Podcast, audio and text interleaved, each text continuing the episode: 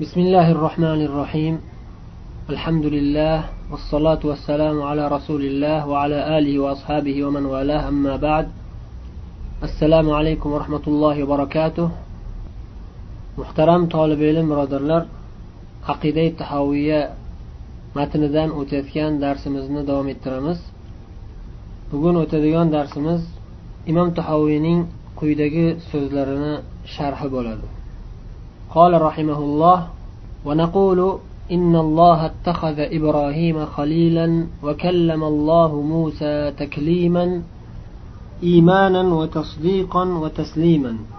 ونؤمن بالملائكة والنبيين والكتب المنزلة على المرسلين ونشهد أنهم كانوا على الحق المبين. إمام طحاوي رحمه الله تبتلركي ونقول va yana aytamizki ya'ni e'tiqod qilgan holimizda allohning tavhidi borasida ya'ni aqida ilmi borasida allohning tavfiqi va madadi ila aytamizki ibrohima xalila shak shubhasiz alloh taolo ibrohim alayhissalomni o'ziga halil ya'ni eng yaqin do'st qilib oldi. Eng yaqin do'st qilib olgan. Musa taklima va muso alayhissalomga alloh taolo o'zi haqiqatan gapirgan ya'ni bevosita muso alayhissalom bilan so'zlashgan. Mana shunday deb aytamiz iymanan va tasdiqan va tasliman. Mana shunga iymon keltirgan holimizda aytamiz. Va tasdiqan mana shu e'tiqodiy masalalarni qur'oni karim va sahih hadislarda qanday bayon qilingan bo'lsa ana shunday deb tasdiqlaymiz tasdiqlagan holimizda aytamiz. Va taslima va bu masalalarning kayfiyatini alloh taologa topshirgan holimizda aytamiz. Ya'ni g'ayb ilmiga taalluqli bo'lgan masalalarning kayfiyatini biz bilmaymiz. Alloh rasuli qanday aytgan bo'lsa ana shunday deb allohga topshiramiz. Allohga topshirgan holimizda aytamiz.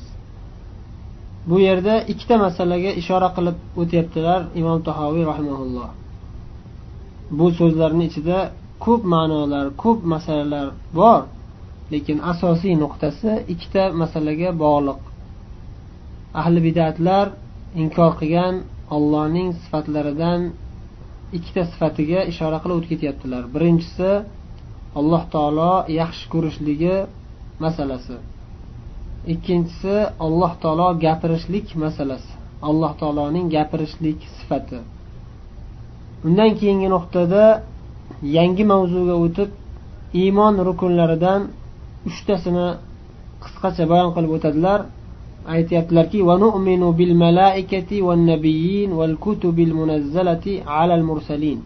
va yana iymon keltiramizki maloikalarga iymon keltiramiz. Maloikalarga iymon keltiramiz. Maloikalarga iymon keltirish iymon rukunlaridan ikkinchisi hisoblanadi. Va nabiyin va payg'ambarlarga iymon keltiramiz. Bu ham iymon rukunlaridan biri. Payg'ambarlarga iymon keltirishlik. Allohning elchilariga nozil qilingan kitoblarga ham iymon keltiramiz dedilar. Bu ham iymon rukunlaridan yana biri. Va yana guvohlik berib ta'kidlab aytamizki albatta ana shu barcha payg'ambarlar ochiq ravshan haqiqat ustida bo'lganlar haq yo'ldan yurganlar ochiq oydin haqiqat bilan allohning risolatini olib kelib bayon qilganlar barcha payg'ambarlar. Mana shunday deb iymon keltiramiz deb aytyaptilar. Endi sharhga o'tamiz. Imom tahoviy rahimaulloh bu so'zlari bilan imom tahoviyning bu so'zlari bir necha e'tiqodiy masalalarni o'z ichiga oladi. Shulardan ba'zilarini quyidagi daqiqalarda inshaalloh sharhlab o'tamiz. Birinchi masala alloh taoloning muhabbati. Alloh taolo yaxshi ko'rishligi va shu bilan birga alloh taolo yaxshi ko'rilishligi. Alloh taoloni yaxshi ko'rishlik haqida. Ahli sunna va jamoa e'tiqod qiladigan asosiy nuqtalardan biri alloh taoloning muhabbati alloh taoloning muhabbat sifati. Alloh taoloning muhabbat sifatiga dalolat qiladigan oyati karimalar va hadisi shariflar juda ham ko'p. Shulardan ba'zilarini zikr qilib o'tamiz. Alloh taolo misol uchun tavba surasining to'rtinchi oyatida aytadiki innalloha yuhibbul muttaqin. Albatta alloh taolo taqvolilarni muttaqinlarni yaxshi ko'radi. Ya'ni allohdan qo'rquvchi haqiqiy mo'minlarni alloh taolo yaxshi ko'radi. Baqara surasining ikki yuz yigirma ikkinchi oyatida ham alloh taolo aytadiki innalloha yuhibbut tawwabina va yuhibbul mutatahhirin albatta alloh taolo ko'p tavba qiluvchilarni ya'ni alloh taologa ko'pdan ko'p va doimo tavba qilib turadigan mo'minlarni yaxshi ko'radi. Va yuhibbul mutatahhirin va doim poklanib yuruvchilarni alloh taolo yaxshi ko'radi. Doim poklanib tahorat olib yuradigan ya'ni qalblarini poklab yuradigan va a'zolarini ham tahorat va g'usul bilan poklab yuradigan mo'minlarni alloh taolo yaxshi ko'radi. Yana baqara surasida alloh taolo aytadiki innalloha yuhibbul muhsinin. Albatta alloh taolo yaxshilik qiluvchilarni ehson darajasiga yetib muhsin bo'lgan mo'minlarni alloh taolo yaxshi ko'radi. Muhsin ehson darajasiga yetuvchi odam alloh taologa doimo ibodat qilib yuradi va ibodat qilganda xuddi alloh taoloni ko'rib turganday his qilib ibodat qiladi. Doimo alloh bilan bog'lanib yuradi. Bu alloh taoloni yaxshi ko'rishligi haqida ya'ni alloh taolo o'zining mo'min bandalarini yaxshi ko'rishligi haqida bayon qilgan xabar bergan ba'zi bir oyat karimalar. Yana alloh taolo qur'oni karimda o'zini mo'minlar yaxshi ko'rishligini xabar bergan. Alloh taoloni mo'minlar yaxshi ko'rishlari ya'ni alloh taolo yaxshi ko'rilishligi haqida xabar bergan. moida surasining ellik to'rtinchi oyatida aytadiki يا أيها الذين آمنوا من يرتد منكم عن دينه فسوف يأتي الله بقوم يحبهم ويحبونه ey iymon keltirgan zotlar sizlardan kimki o'zining dinidan qaytib chiqib ketsa murtad bo'lib ketsa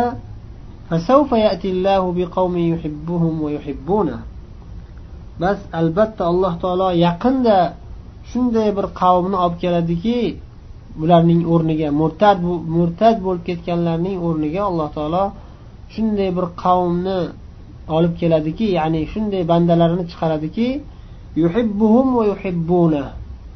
Olloh ularni yaxshi ko'radi va ular ham ollohni yaxshi ko'radilar deb xabar berdi.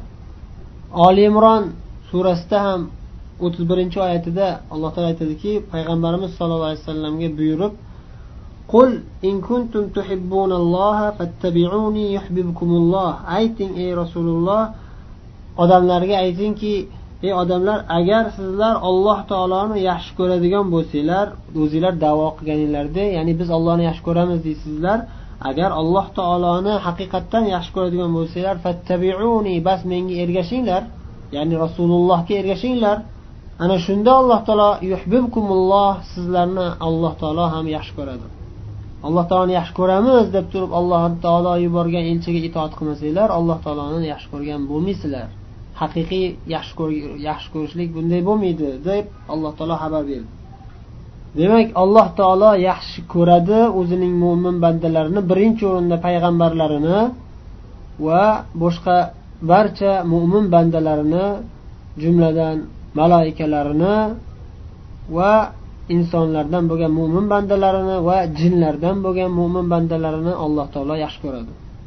Bu umumiy muhabbat deyiladi. Alloh taoloning umumiy muhabbati barcha mo'min bandalarini yaxshi ko'rishligi. Endi xos muhabbati bor u payg'ambarlarga va malaikalarga bo'lgan muhabbati juda ham qattiq yaxshi ko'radi ularni boshqalarga nisbatan ko'proq yaxshi ko'radi. Va undan ham oliyroq daraja bor eng yuqori darajali muhabbat u ham bo'lsa xulla darajasi. Xulla eng yaqin do'stlik eng yaqin yaxshi ko'rgan bandasi bo'lishlik alloh taologa. Alloh taolo bu haqida o'zi qur'oni karimda xabar berib aytdiki ibrohima halila alloh taolo ibrohimni o'ziga halil qilib oldi ya'ni eng yaqin do'sti eng suyukli bandasi qilib oldi deb olloh o'zi xabar berdi. Demak barcha alloh taoloning suygan bandalari ichida mo'minlarni alloh yaxshi ko'rgan bandalarni ichida eng oliy muhabbatli eng oliy darajali bandasi alloh taologa eng suyukli banda ibrohim alayhissalom. Va shu bilan birga muhammad sollallohu alayhi vasallam. Muhammad sollallohu alayhi vasallamni ham alloh taolo o'ziga eng yaqin do'st qilib o'ziga eng yaqin suyukli bandasi qilib olgan. Bu haqida rasululloh sollallohu alayhi vasallam o'zlari sahih hadisda xabar berdilar.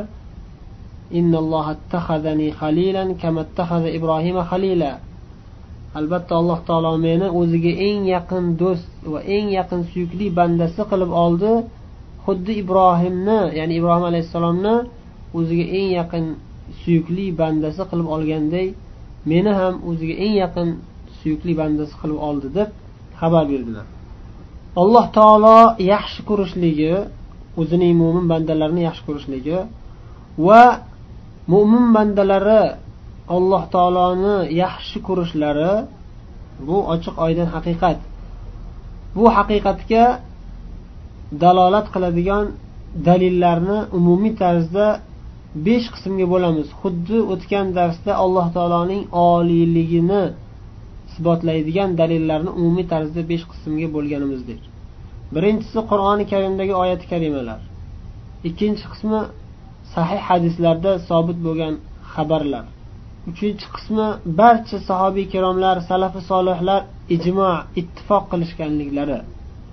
To'rtinchisi fitrat inson o'z fitrati o'z tabiati bilan bu narsani anglab yetishligi sezib ichidan his tuyg'ulari bilib sezib turishligi alloh taolo yaxshi ko'riladigan zot va alloh taolo ham o'zini bandalarini yaxshi ko'radi deb ichidan sezib turadi.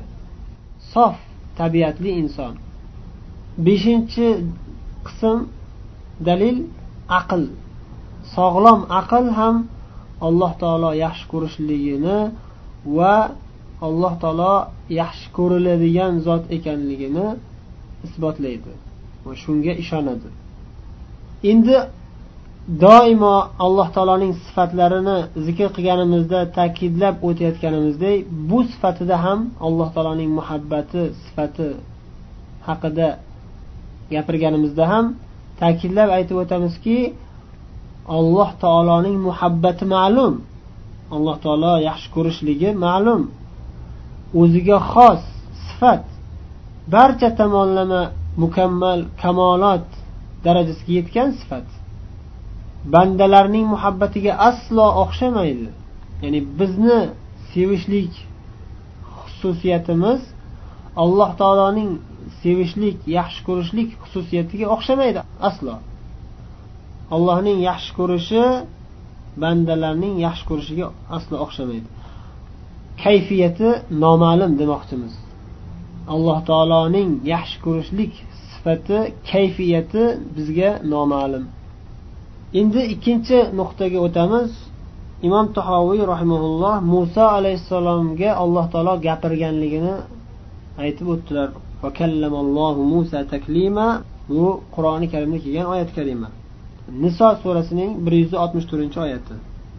Alloh taolo muso alayhissalomga haqiqatan gapirdi deb olloh o'zi xabar beryapti. Demak bu yerda alloh taoloning kalomini isbot qilinyapti. Alloh taoloning so'zlashishligi gapirishligi bayon qilinyapti. Alloh taolo azaldan so'zlashlik gapirishlik sifatiga ega bo'lgan zot. Azaldan gapiruvchi bo'lgan zot. Bu jihatidan alloh taoloning kalomi sifa zatiya zotiy sifat deyiladi endi amaliy jihatdan fe'liy bo'ladi. Ya'ni alloh taolo xohlagan vaqtida xohlagan bandasiga gapirishligi bu fe'liy alloh taoloning o'zining fe'llaridan. Alloh taolo o'zi xohlagan bandasiga xohlagan so'zi bilan xohlagan vaqtida gapiradi. Va biz iymon keltiramizki alloh taolo maloikalarga va payg'ambarlarga gapiradi. Qiyomatda esa har bir odamni o'zi bilan ham alloh taolo o'zi hisob kitob qilganda gaplashadi. Gapirishlik sifati ham mukammallik sifati ekani alloh taoloning bu sifati haqidagi tafsilotlar o'tgan darslarimiz birida zikr qilib o'tildi. Qur'oni karimga iymon keltirishligimiz haqida suhbatlashganimizda bayon qilib o'tdik. Endi bu yerda yana bir nuqta muso alayhissalomga aynan alloh taolo o'zi haqiqatan gapirganini bayon qilib xabar berishligi bu muso alayhissalomning boshqa payg'ambarlardan ajrab turadigan xususiyatlardan biri ekanligini ko'rsatadi. Muso alayhissalom eng buyuk payg'ambarlardan biri ekanliklariga dalolat qiladi. Rasululloh sollallohu alayhi vasallam muhammad ibn abdulloh sollallohu alayhi vasallamga ham alloh taolo bu xususiyatni bergan. Xuddi muso alayhissalom bilan alloh taolo o'zi bevosita gaplashganidek payg'ambarimiz muhammad sollallohu alayhi vasallam bilan ham alloh taolo o'zi bevosita gaplashgan merojga ko'tarilganlarida. Ahli bidatlar bu masalada ham zalolatga ketishgan. Alloh asrasin alloh taolo o'zi bizni adashtirmasin.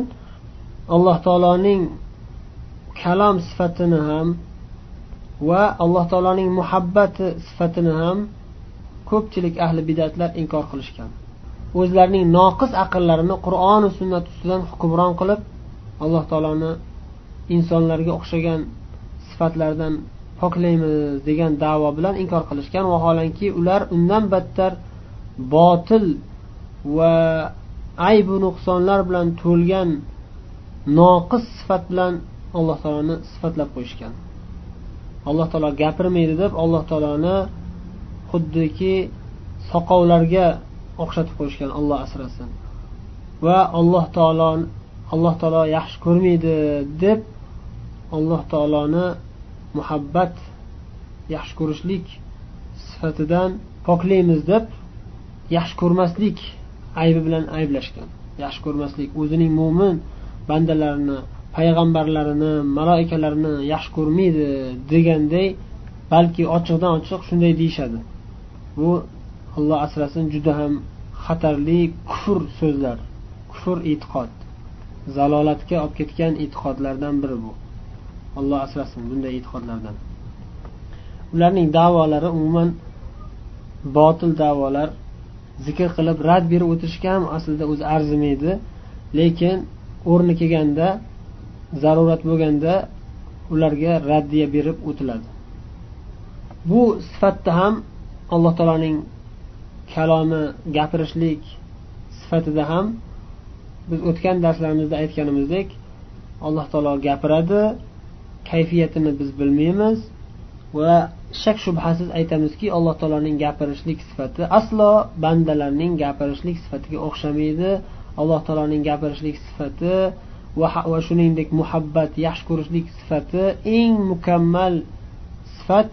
Bandalarniki esa ojizona o'ziga mos o'ziga mos keladigan noqis sifat. Avval bo'lmagan noqisligi shundaki avval bo'lmagan insonda bu sifat yo'q bo'lgan payti bu sifatlari ham yo'q bo'lgan.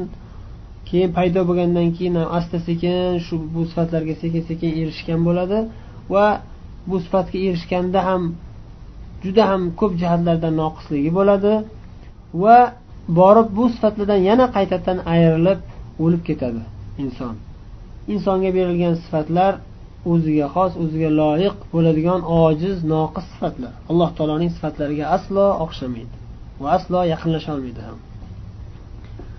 Endi yana yangi mavzuga o'tamiz. Imom tahoviy rahimaulloh bil malaika malaikalarga ham iymon keltiramiz deb aytdilar. Malaikalarga iymon keltirish haqida bir necha nuqtalarni zikr qilib o'tamiz.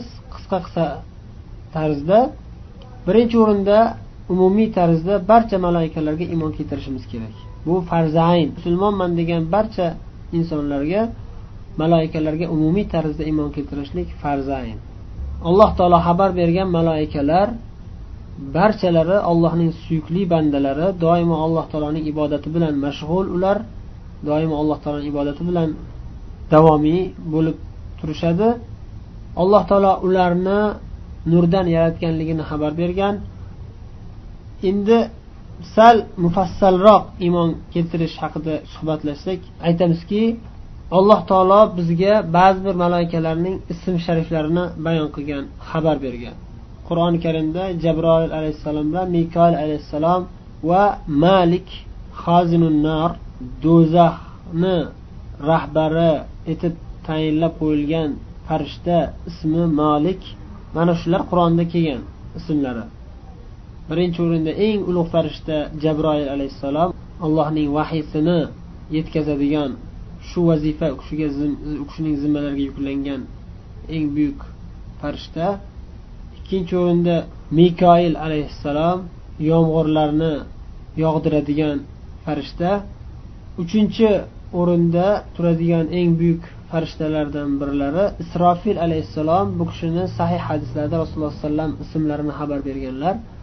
Isrofil alayhissalom qiyomat kuni surda puflaydigan barcha haloyiqni o'ldirib qaytadan tiriltirishga sabab bo'ladigan surnayda puflaydilar yana hadisda kelgan ismlari bayon qilingan farishtalardan birlari ridvon jannatni rahbarlari ridvon degan farishta yana hadisda ism shariflari bayon qilingan farishtalardan qabrda har bir insonni savol javobga tutadigan so'roqqa tutadigan farishta ikkita farishta munkar va nakir munkar va nakir farishtalari.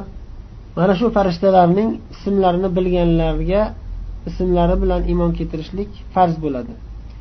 Bilmaganlarga farz emas lekin o'rganishlari lozim. Imkon qadar batafsil o'rganishlik albatta juda ham muhim. Ammo bilmasdan o'tib ketgan bo'lsa ma'zur uzrli. Yana farishtalarga malaikalarga iymon keltirishda batafsil mufassal iymon keltirishda zikr qilinadigan nuqtalardan biri malaikalarga yuklangan vazifalar ham turli xil ekanligi. Masalan birinchisini jabroil alayhissalom deb aytdik vahiy yetkazishlik vazifasi yuklangan qushiga ikkinchilari mikoil yomg'ir yog'dirish vazifasi yuklangan. Uchinchilari malakil maut o'lim farishtasi deb aytiladi. Bu kishini ba'zi bir zaif hadislarda yoki isroiliyotlarda kelgan azroil degan otlari sahih rivoyat bilan sobit bo'lmagan. Qur'oni karimda alloh taolo malakil maut deb nomlagan o'lim farishtasi deb laqablagan. Bu kishiga ajali yetganlarni o'ldirishlik vazifasi yuklangan. Endi bu o'lim farishtasining yordamchilari ham bor. Yordamchilari ikki qismga bo'linishadi. Malaikatul rahma va malaikatul azab. Rahmat farishtalari va azob farishtalari. Alloh taolo ajali yetgan odamni o'ldirish uchun malaik malakul mavut o'lim farishtasini yuborganda u kishiga yo rahmat farishtalari yordamga keladi. Agar mo'min banda bo'lsa yoki azob farishtalari yordamga keladi agar o'ldirilayotgan banda kofir yoki munofiq kimsa bo'lsa. Yana malaikalarga yuklangan vazifalardan biri bandalarning qilayotgan ishlarini hisob kitob qilib yozib borishlik vazifasi. Bandalar nima ish qilishsa albatta ana shu qilinayotgan ish gapirilayotgan gaplari hammasi yozib hisob kitob qilib boriladi. Va shunga mana shu vazifa yuklangan farishtalar bor. Infitor surasida alloh taolo xabar bergandek va inna alaykum lahafizin kiroman katibin ya'lamuna ma taf'alun. Sizlarni tepangizda sizlarni kuzatib turadigan qilayotgan barcha ishlaringizni saqlab boradigan yozib hisob kitob qilib boradigan yozuvchi ulug' zotlar bor deb olloh xabar berdi. Ya'ni bular farishtalar. Demak malaikalarga iymon keltirish iymon rukunlarining ikkinchisi bo'lib xulosasi mana shu barcha mo'minlar alloh taologa va alloh taoloning malaykalariga iymon keltiradilar.